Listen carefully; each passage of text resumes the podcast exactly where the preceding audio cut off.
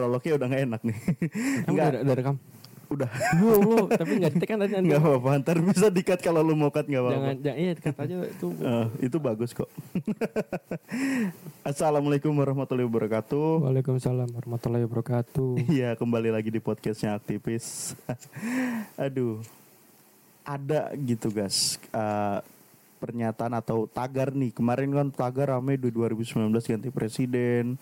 Di tagar ini, tagar ini. Akhirnya muncul tagar kalau nggak salah eh, tidak lapor polisi apa gimana. gitu. Percuma lapor polisi. Percuma lapor polisi. eh. jadi anjing gue bilang kok ini eh, kenapa ini harus dibahas? Pertama ini gue penasaran karena ngeliat tagar itu rame pak di Twitter. Iya, Mang. Di Twitter rame, gue lihat eh, banyak pembahasannya. Tidak usah lapor po- eh, apa tadi? Percuma lapor Percuma polisi. lapor polisi. Hmm. Nah dari situ gue search kan akhirnya di YouTube akhirnya jadi pembahasan memang di salah satu channelnya Mata Najwa kan. Kasusnya tuh sebenarnya udah lumrah di Indonesia tentang eh, pencabulan dan pemerkosaan anak di bawah di bawah umur dan itu anak kandungnya. Iya. Dan di situ si korban malah membela tidak melakukan hal tersebut dan polisi menghapuskan case tersebut. Setahu gua ya. Tapi gua nggak ngerti lagi nih eh, kenapa itu kasusnya ditutup dan secara human rights-nya kan akhirnya kan eh, dari mana tuh? YLBHI kan, YLBHI Sulawesi kalau nggak salah apa Makassar gitu ya mereka menjadi lawyernya akhirnya. Lawyer si korban untuk membela gitu. Bahwasannya ini perlu diusut dan memang perlu dijatuhi hukuman oleh si korban. Eh sorry oleh si pelaku. Gitu. Nah yang gua saksin seperti itu sih. Sebenarnya selepas dari kasus ini yang gua rasain ini pengalaman pribadi guys. Yap, yap. sebelum dalam kita bahas dan kita terciduk Allah. nah, maksud gue gini, ini pengalaman pribadi gue. Eh, sebelum gue kerja, gue jadi ojek online lah. Adalah Oh, salah iya. satu aplikasi yang gue jalanin waktu itu. Hijau atau hitam atau Waduh, keduanya hijau pak. Hmm. Iya. yang pokoknya eh, direkturnya itu udah jadi menteri lah. Nah, udah habis Oh. kayak gitu. nah, nah habis itu gue gue lagi pulang nih, lagi pulang habis nganterin customer, gue ditelepon random nomornya. Nah, wah, gue angkat dong. Seca- Secara singkat aja nih ya gue ceritain. Gue dia, ah, gue angkat teleponnya, tat tat tat tat tat tat, tat. Gue tahu ini modus penipuan. Jadi modusnya itu seakan-akan gue punya temen ketilang, minta bantuan dan minta uang. Tujuannya itu. Ah iya iya, pernah tuh gue juga. Ya kita mungkin pernah tapi mungkin konsepnya beda ya. Kalau gua kan mungkin gitu. Ntar lu kayak gimana nanti kan punya pandangan sendiri gitu. Nah, ketika telepon berlangsung ada posisi gue kebetulan deket lah sama salah satu polsek di Tangerang kan. Gua samper nih pak ke polsek tersebut. Gua masuk ke ruang uh, apa namanya pelayanan, pelayanan di apa di polsek itu. Gua loudspeaker dan tapi gue gue mute gue bilang sama salah satu petugas di sana, Pak, saya lagi ditipu. Ada penipuan uh, mengatasnamakan polisi yang temennya ketilang segala macam itulah. Mohon maaf nih Pak, jujur nggak direspon. Dan laporan gue tuh hanya sebatas oh iya iya ya udah coba rekam aja. Cuman rekam setelah rekaman itu selesai ya udah mas simpen dulu. Udah simpen doang cuk. Disuruh simpen. Dan itu nggak digubris loh artinya kan gini eh ya namanya ya jadi kayak kayak sejatuhnya tuh kayak emosi tidak percaya sama kepolisian jatuhnya Waduh. ya ya wajar dong bagi pandangan gue seperti itu karena kenapa ya polisi tuh dengan kasus remeh-temeh tuh nggak mau gas Hmm. Ya kalau ditanya mengapa, ya kita tidak bisa memungkiri kalau alasan dari pihak kepolisian ya pasti kan kembali ke prosedur. Mm-mm. Kurang prosedur inilah atau itulah iya iya atau adanya biaya administrasi yang memang tidak dikeluarkan dari si, si pelapor kita nggak tahu ya. oh, Nah, pakai administrasi ya? ya setahu gua ya, Heeh. eh gua kalau mau minta tolong orang aja ngebangun rumah pasti kan dia butuh uang untuk jalan.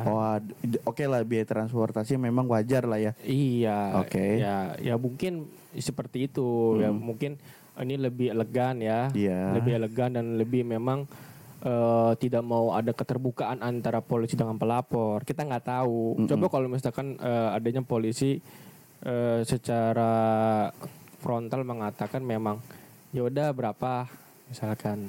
Iya, untuk mena- menangani salah satu kasus gitu maksudnya. iya, ya kita mungkin ya enak kan Iya. dengar ya. Cuma sisi lain kan mungkin menjaga stigma polisi Betul, betul. kita nggak tahu ya kan polisi mana ya kan. Eh, polisi Irlandia itu. Iya atau India India.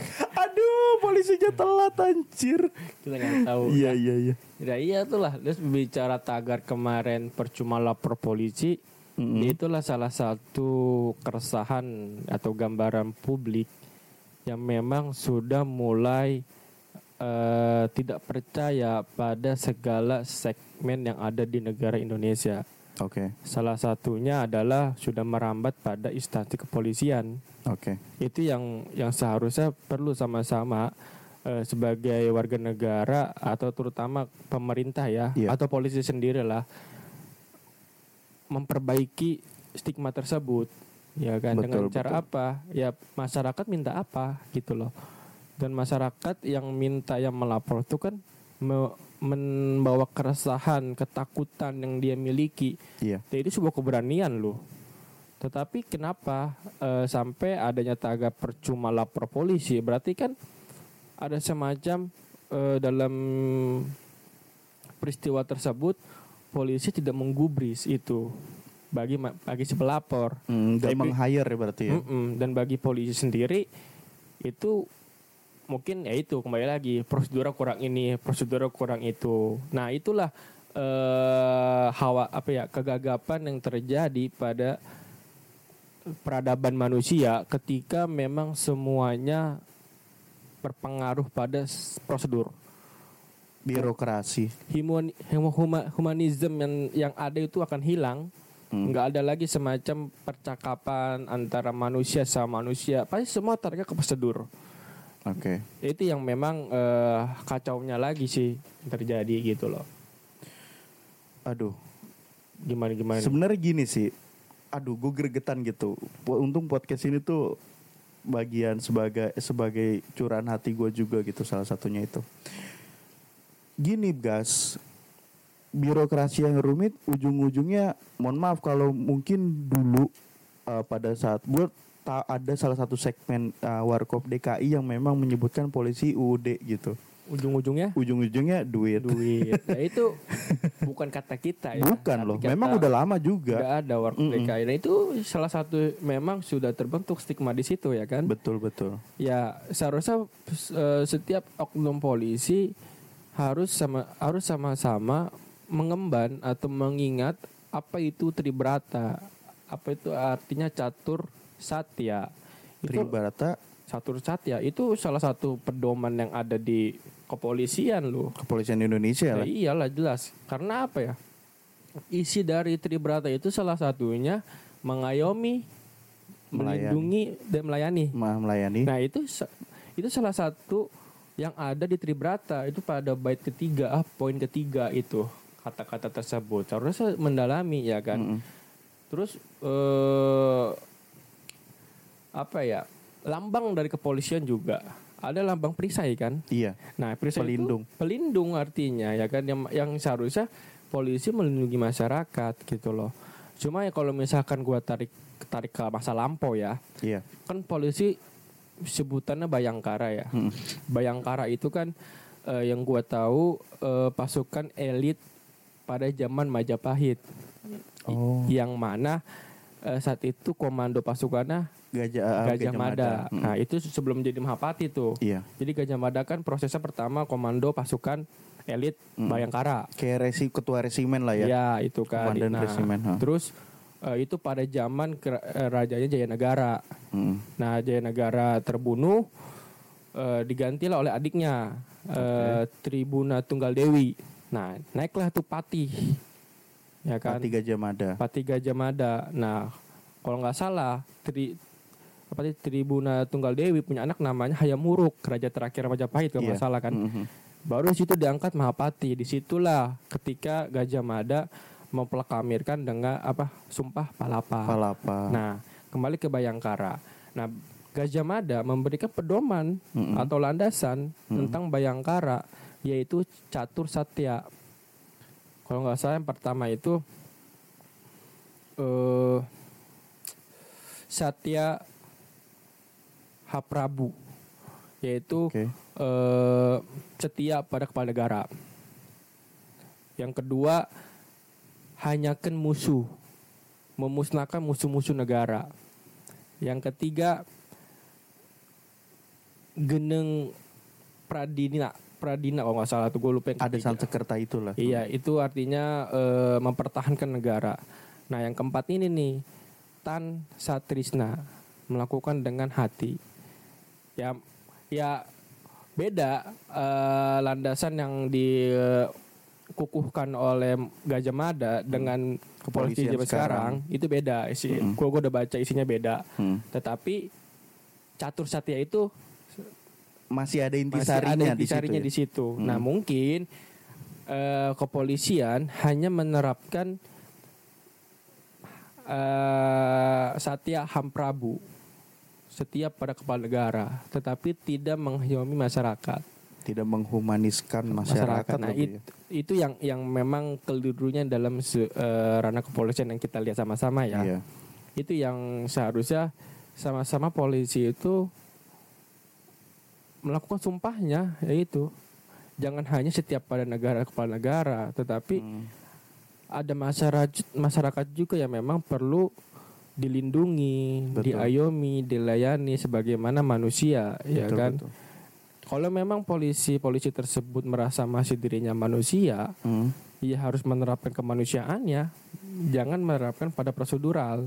Ya mu ya mungkin kalau misalnya kegiatannya kepada polisi, polisi pasti bakal menjawab kan. Iya. Ya lu nggak tahu gimana susahnya gue jadi polisi, misalnya gitu Iya, kan. tapi kan bukan berarti jawaban seperti itu kan, guys. Ya harusnya seperti Ah, itu, ah, ya ah. harusnya seperti itu. Tetapi ya, ya gimana ya kan?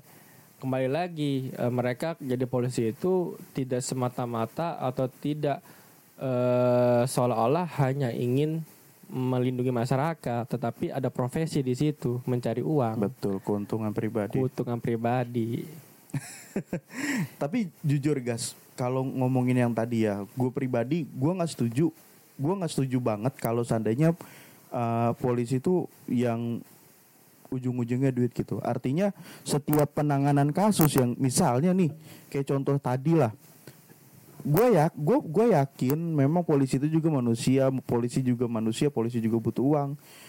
Ya petugas-petugas kepolisian itu manusia lah pada dasarnya, tapi kan ini menyangkut profesionalitas gitu Iya, walaupun kita kita udah tahu ini pasti main uh, kita di mindset kita udah berpikir oh gue pasti seperti di seperti ini kan. Ketika gue bikin laporan seperti ini pasti di seperti ini kan hasilnya. Dan gue juga udah nge-backup diri gue gue nggak usah kecewa. Tapi kebanyakan kecewa pak. Mohon maaf. Eh, iyalah masyarakat. Ya Allah. Gue pernah kejadian lagi eh, ketilang. Ya mungkin kita berdua udah udah pernah ngerasain Hmm. ketilang lah di salah satu tempat juga. Di situ nego pak Iya, nego. dan gua dan gua nggak ditawari mau A apa B. Ya gue pilih A. A itu apa ya? Tilang. Ya B nya nggak perlu disebutin lah. Takut ditangkap. Hmm. nah gua akhirnya milih A dong. Yap. Udah tilang aja pak. Nggak apa-apa. Saya hadir kok. Nggak mau pilih B nih mas. Nggak saya aja. Saya mau tilang aja nggak apa-apa ya mau ngapain? Memang prosedural. Gua salah gua ngelakuin salah ya gua ada prosedurnya yang kayak gitu. Hmm. gitu loh. Kadang ditawarin play eh, apa ya?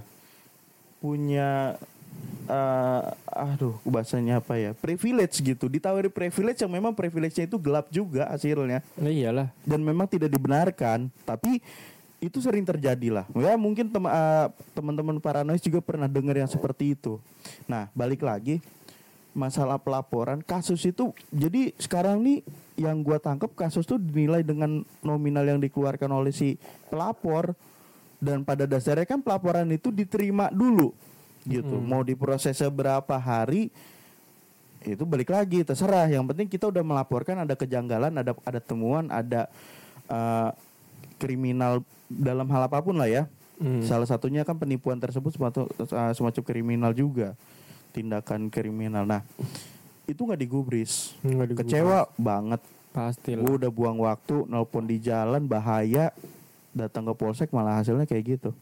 Ya tapi eh, tindakan lu perlu diapresiasi banget sih Fir karena eh, nggak jarang sih orang ketika mendapatkan sebuah telepon seperti itu ya termasuk gua Mm-mm, kepikiran untuk ke polisi. betul. Nah itu salah satu mungkin eh, itu adalah hikmahnya ya Iya. hikmah untuk eh, lu bisa menceritakan kisah kejadian nyata itu di podcast ini Iyalah. betul kan? Ya gue ada buktinya kok, rekaman Iya. gue masih ada. Nah makanya itu dan dan yang gua nggak suka lagi ya dari eh, sikap kepolisian ya, eh dia tuh terlalu prematur dalam beberapa hal ya, prematur dalam memutuskan suatu kriminalisasi. Contohnya apa? Eh, penembakan ustadz-ustadz oleh orang. Oke. dan dan gua nggak tahu ilmunya dari mana dasar dari mana. Ada hasil dari kepolisian bahwasannya itu orang gila.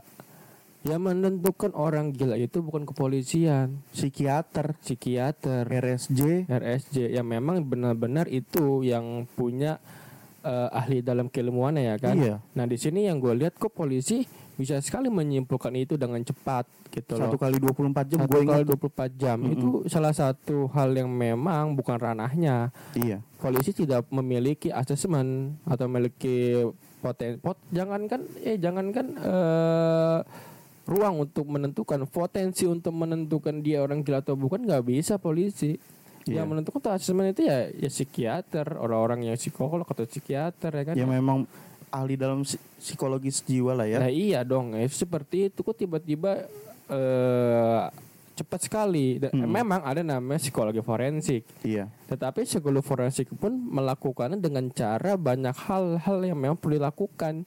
Ada trik-trik yang memang perlu dilakukan oleh psikologi forensik tersebut ya kan. Itu psikologi bukan bukan bukan polisi ya, tapi Iya. memang keilmuan psikologi. Nah itu yang yang memang yang gue lihat cepet ya. Gue ter- gue termasuk mahasiswa psikologi ya Oke. gue merasa eh terlalu prematur dan terlalu melakukan hal di luar batas. Kok tiba-tiba Cepat menyimpulkan. cepat menyimpulkan itu bukan sebuah asumsi loh. Betul. Terus udah udah udah udah semacam apa ya keputusan ya bahwasannya Dan yang pernyataan menembak, lah. Heeh, yang menembak adalah orang gila. Nah logika sekali kalau memang orang gila, kenapa orang gila mengincar, Betul. tidak menembak segala arah? Dan mempunyai senjata. Eh, iya, nggak menembak lah, menusuk lah ya. Iya. Ya itu, yang yang yang memang eh terjadi. Ya, dan, dan gokil terjadinya satu di sini tiba-tiba muncul di beberapa daerah. Di beberapa titik memang. Nah memang itu yang yang sebetulnya yang ketika kejadian seperti itu gue langsung bertanya-tanya ini polisi dasar dari mana? Kok tiba-tiba ada eh, kasus seperti ini langsung menyantumkan atau memberikan keterangan bahwasanya orang gila Betul. dan tidak bisa dihukum. Weh orang gila dari mana? Ini gila gila aja kan ada banyak banyak jenisnya. Banyak produknya gitu lah ya. iya itu yang memang sebetulnya polisi ini mau apa dan dikendalikan oleh siapa? Itu pertanyaan dari kita ya kan. Mm. Polisi itu bekerja untuk siapa sekarang? Iya jatuhnya kelihatan banget gitu oli oligarki dari kepemerintahan itu sendiri. Pemerintahan iya. kita sekarang loh. Gua gua ngerasa aduh kok yang kayak begini yang remeh-temeh sifatnya gini. Kita tahu memang seperti itu. Jadi terbiasa kan Mm-mm. karena kebiasaan jadi terbiasa. Gue ngerti dan gue tahu dan gue belajar untuk tutup mata, tutup hidung, Mm-mm. tutup hidung nih, tutup telinga gitu kan. Tapi karena udah anjing kesel banget pak. Begitu maksudnya ini nggak nggak boleh loh seperti ini. Udah dong cukup dong. Mau mau pemimpinnya siapa sebenarnya? Janganlah. Kalau ke kita, balik lagi ke tema kita ya kan masalah citra polisi yang dipertaruhkan. Bagi gua polisi itu sebenarnya masih dipercaya sama masyarakat. Masih. Kalau seandainya survei juga nggak jelas itu masih pak. Masih tinggi lah. Tapi jangan disalahgunakan gitu. Ya masih. masih. Nah bayangin KPK terbentuk isinya orang siapa semua? Orang pemerintah ya, bukan pak. Polisi. Polisi ya. Novel Baswedan salah satunya jebolan Akpol. Oh iya benar. dan reskrim eh sorry Eh, ya reskrim dari Mabes Polri yang ditugaskan waktu itu di KPK artinya Hmm. apa pemerintah sebenarnya percaya juga dan masyarakat setuju untuk KPK tuh diisi oleh orang-orang Polri dan kebanyakan dari lulusannya perwira semua loh Ya tapi sayang pada hari ini tidak. itu dia nah balik lagi tuh Ya itu itu ya mungkin pemerintah salah memilih menurut mereka. Iya Kenapa na- novel Baswedan yang dipilih sih? Nggak taunya jujur. betul Ya pemerintah nggak suka kejujuran ya kan? Ya itu yang- malah dihapus diganti Dihapus. aduh ada semacam apa tes kebangsaan. tes wawasan Nah, kebangsaan ya yang memang itu sangat kacau juga sih. Iya. TWK nggak masuk akal mending gue ikut ujian nasional anjing. Ya itu ya. Polisi itu memang ya Gus Dur aja pernah bicara ya kan dia buat anekdot polisi yang apa sih yang Polisi yang jujur yang hanya jujur itu hukum hanya dan polisi tidur. iya polisi itu ya, hugeng dan polisi tidur Selebihnya tidak. Nah, itu yang memang kacau banget itu sih jadi memang eh, apa ya keonaran ya Iya. yang dibuat oleh eh, apa ya, kesewenang-wenangan lah atau ketidakadilan lah Hmm. yang ada pada pihak kepolisian itu sudah terjadi di masa lampau Betul. bukan di hari-hari ini saja ya kan ya itulah sampai Gus Dur memberikan anekdot itu kan udah udah lama banget Betul. dan sebelum Harkop juga yang memberikan semacam eh, banyolan UUD ya kan ujung-ujungnya duit ya sekarang pun masyarakat sebetulnya sudah tahu hal semacam itu Udah tahu Teta- dari proses apa pun itu udah tahu pak. udah tahu cuma memang sayangnya negara kita itu masih hanya itulah satu-satunya laporan pertama ke polisi Betul. Mau ngelapor ke mana lagi? Mungkin kalau seandainya polisi punya saingan swasta nih, misalnya polisi swasta anjing. Polisi, polisi, polisi swasta misalnya polisi apalah itu ya kan. Lapor. Mungkin banyakkan situ. ya iya Jadi trust bro, trust kepercayaan atau kepercayaan kepada kepolisian kurang.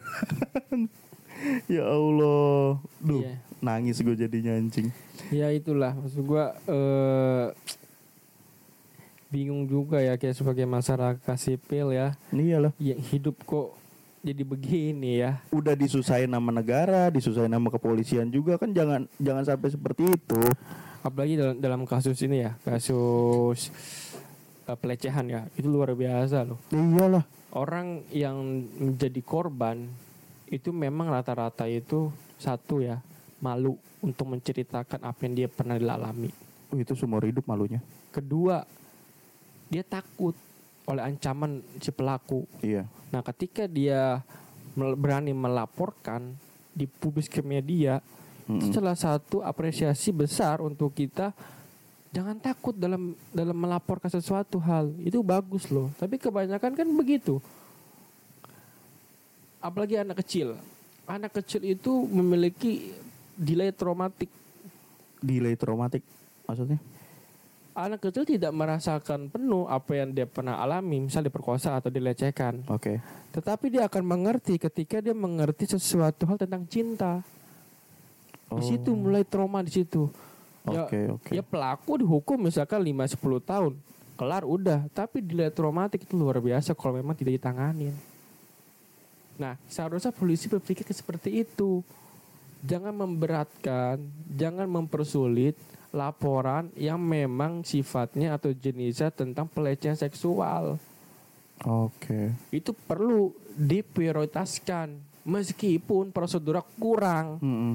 Meskipun bukti-buktinya itu kurang tetapi perlu diprioritaskan karena itu menyangkut mentalnya si pelaku jangan salah itu jadi malah traumatis umur hidup ya. Nah iyalah, kalau kalau lingkungannya tidak mendukung dia untuk bangunkan mental atau eh, berani atau menjadi manusia yang memang sudahlah terima apa yang dia alami.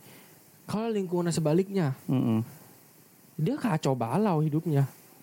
Bisa-bisa eh, stres atau depresi karena masih kecil aja sudah, dile- sudah dulu cuti Iya. dirinya. Itu kacau kan. Nah, di situlah seharusnya polisi itu memiliki eh, semacam apa ya case prioritas ya Iyalah. yang memang yaudah bukti kurang prosedur kurang nggak apa-apa yang penting ini ada pelakunya nih Dan ada korbannya ada juga. korbannya juga Lengkap. dan kalau memang nggak percaya dia stres ada bang psikiater diuji di situ bener nggak nih orang nih Betul dites. kalau emang dia bohong ada psikolog Iya, bisa uji kebohongan di situ kan psikolog bisa. itu sebenarnya bisa tetapi ya itu ya polisi memang gua nggak tahu ter- dia polisi itu ayolah dia kalian bukan robot gitu loh Iya, jangan jangan baku banget gitu. iya ya itu yang memang eh, sebetulnya yang perlu diperbaiki yaitu kasus pelecehan itu kasus memang besar banget Mhm. emansipasi manusia emansipasi wanita ya kan terus eh, hak asasi manusia itu salah satu kasus yang memang di Indonesia ini masih sangat sangat belum bisa ditangani Betul. ya kan itu dia Jadi ini menyangkut citranya gitu. Tolonglah kalau memang kalian tidak mau disepelekan gitu kepolisian atau korps Bayangkara ini tidak mau disepelekan, tolong humanisnya memang benar-benar humanis yang memang ikhlas gitu dan juga sepenuh hati sepenuh hati lah dan juga kooperatif gitu. Artinya gini, kadang-kadang polisi bilang, "Ayo Pak, tolong kooperatif. Ayo Pak, tolong ini kooperatif." Bahasa kooperatif itu sebenarnya kita bisa lontarkan balik Mm-mm. dari sipil ke polisian. Karena apa? Sifat kooperatif itu kan artinya jujur dan terbuka. Mm-mm. Dan ya polisi pun harusnya seperti itu juga. Bekerja sama ya. Bekerja sama. Ya jangan jangan hanya sebatas uh, dari kepolisian menekan mas uh, sipil at- untuk melakukan ko- tindakan kooperatif. Mohon maaf pak. Polisi juga kurang kooperatif. Gitu. Dia bisa melontarkan kata-kata itu tapi dalam hal penindakan kasus kooperatif belum Enggak. tentu. Ya kayak contoh kemarin beberapa kemarin mahasiswa yang dibanting. Iya itu gua sangat sangat sangat sekali tidak masuk akal dalam pikiran gua ketika Iya, iya. Kapolres Tangerang mengatakan tidak ada kekerasan. tidak ada kekerasan dan Itu jelas sudah ada videonya. aduh heeh. Si manusia sampai kejang-kejang. Nah, itu itu, itu kekerasan itu itu keras dibanting itu. walaupun udah ada video conference ya Ya makanya itu. Makanya apa ya Kapolres Tangerang itu gua nggak tahu didesak oleh siapa sampai dia mengatakan tidak ada kekerasan. Lihat dari mana itu dia? klarifikasinya kan di dalam Polda Enggak iya kan kacau. kalau seandainya diteriak lagi misalnya gue yakin tuh gue bukan sujon ya tapi eh, mahasiswa tersebut bilang seperti itu karena tertekan bro Bisa karena tertekan, Iyalah. karena udah lah gue nggak mau repot lah. iya nggak Tapi mau pada akhirnya masih sakit pusing. lagi, Mm-mm. akhirnya di sak- memang sakit lagi sakit lagi gitu kan. aduh Ya itu ya kacau banget. Maksudnya eh gue khawatir ya eh, sekarang aja pemerintah itu sudah membenturkan kita dengan aparat. iya Itu yang sangat-sangat eh, menyedihkan ya. Kita melakukan apresiasi apa ya? Ingin menyuarakan apresiasi Betul. dengan cara berdemo dan Mm-mm. demo itu salah satu kembali lagi salah satu kegiatan demokrasi iya ya kan ya memang harusnya ya dilayani dibiarkan selagi tidak ada anarkisme di situ betul dan di situ nggak ada arogan nggak ada timpa batu. Kita datang ke sana itu bawa bawa selembaran ini. Dan memang kita poster. gini teman-teman paranoid ya. Mungkin kalau seandainya ada yang pernah ikut demo eh, ini demo tuh mekanisme dan terstruktur loh. Nah, bukan iya. demo asal-asal bakar ban selesai loh teman-teman. Jadi kayak kita ada memang uh, core lab-nya siapa yang buat eh, apa namanya buat open mic itu siapa itu ada dan itu udah tersusun Nah, orang-orangnya iya. Lah, kita pakai almet kok kita pakai alma mater jelas namanya ada jadi gini ya gitu salah satunya mekanisme demonya mahasiswa atau aktivis aktivis lain dia udah siap surat terus ada uh, tanda tangan di bawah materai itu ada dokumennya teman-teman. Ada, Jadi Kit. iya, jadi mungkin gini, takutnya ada salah perspektif juga nih. Kita perlu lurusin juga gitu karena uh, demo-demo yang dilakukan teman-teman aktivis atau mahasiswa itu semua udah terstruktur kok. Nah, Udah. sebelum terjadinya demo atau kekerasan, eh sorry, bukan kekerasan, ter- terjadinya aksi ataupun demo, kita udah ketemu dulu nih secara audiensi. Kita udah layangkan surat untuk bertemu dengan Bapak A, misalnya kan salah satunya kan yang di Tangerang Bupati, Mm-mm. Bupati Tangerang nggak tembus mungkin nih. Nah, mekanisme sebelum ke demo ke aksi hasil dari eh, mau ketemunya audi eh, atau audio audiensi kepada bupati itu nggak ada terjadilah aksi. Dan aksi itu udah laporan. Udah laporan. yang penggiat aksi atau mahasiswa itu udah layangkan laporan bahwasannya di jam sekian di tanggal sekian mau mengadakan demo. Udah tahu sebenarnya. Jadi teman-teman apa namanya paranoid juga harus paham nih mengenai mekanisme demonya mahasiswa atau aktivis gitu Nah itulah maksudnya eh, kembali lagi ya tingkat intelektualitas itu benar-benar berpengaruh banget ya. iyalah eh harus kita sebagai manusia itu jangan sampai tanggalkan untuk menambah atau menumbuhkan tingkat intelektualitas kita. Betul. Karena apa? Keti- Ketika seseorang memiliki intelektualitas tinggi, iya dia bakalan bisa mencerna logika yang benar. Dia bisa melakukan semacam pengontrolan emosi agar tidak emosi me- meledak-meledak betul betul gitu loh. Nah itulah maksudnya jangan takut pemerintah jangan takut demo demo demo semacam itu ya atau kasus-kasus semacam itulah. Jangan takut. Jangan alergi jangan sama demo. alergi. Maksud- itu suatu hal yang lumrah gitu loh. Kita bukan negara kerajaan. Betul. Sistem kita demokrasi Bu- bukan monarki pak. Bukan monarki.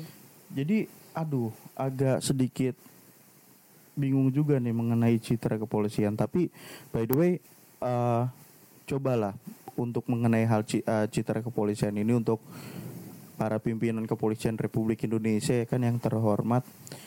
Tolonglah kalau memang Anda humanis, Anda bisa dipercaya oleh sipil, jangan melakukan tindakan-tindakan represif dan agresif, Bro Hmm. yang tadi kayak temuan tadi kan mahasiswa dibanting sebenarnya itu jauh sebelum itu 98 ditembak loh Mm-mm. dan itu gabungan. Saya tidak mau nyebut- menyebutkan. Takut. Nah maksudnya gini. In- intinya ada tindakan represif dan membunuh jatuhnya Cuk. adanya terjadi korban pembunuhan di sana ke sipil. Nah itu udah jauh. Artinya eh cobalah makin ke sini humanis ya kan? Menanggapi kasus itu yang memang kooperatif gitu kan kita udah bikin laporan baik-baik dengan penjelasan yang akurat dan ada bukti-buktinya bukti visum atau apa pun segala macam bukti itu sebenarnya udah bisa dijadikan BAP berita acara pelaporan. Nah tapi kan ya itu tadi close case-nya cepet banget gitu. Iya betul. Nah, tolonglah lebih humanis gitu. Karena ya ini dipertaruhkan Anda sebagai aparatur non partai non politik gitu. Anda mem Anda memang ditugaskan untuk mendengarkan masyarakat yang memang lebih tajam daripada anggota-anggota dewan yang ada duduk eh yang yang duduk di DPR gitulah. Jadi kesel sendiri anjing. Jadi kayak podcast kesel aja anjing. Aduh. Tapi itulah. Jadi teman-teman paranois eh, kita berbicara seperti ini karena memang banyaknya temuan. Mungkin pe- apa namanya teman-teman paranoid juga pernah mengalami salah satu tindakan seperti itu entah tindakan apa yang memang berhubungan dengan kepolisian dan ada yang beberapa nggak elok lah Iya. sebenarnya jadi tolong eh, jangan salah pahami podcast kami untuk yang mendengarkan. Karena ini eh, ya udah sebagai ini udah effort banget sih gitu. Gimana nih guys Ya intinya sih eh, untuk kepolisian coba lagi mendalami apa isi Tribrata dan Catur Satya tersebut ya. Iyalah. Kalau memang eh, masih menerapkan mengayomi melayani dan melindungi pada semboyan tersebut, ayo coba buktikan gitu loh. Iya. Bagaimana caranya mengayomi masyarakat, melindungi masyarakat dan melayani masyarakat, bukan bukan malah eh, menghancurkan mental masyarakat, Betul. bukan malah eh, menyakiti masyarakat. Betul. Karena eh, kalian tuh perbedaan kita sama kalian tuh seragam. Iya. Tapi ketika kalian lepas seragam, kita sama.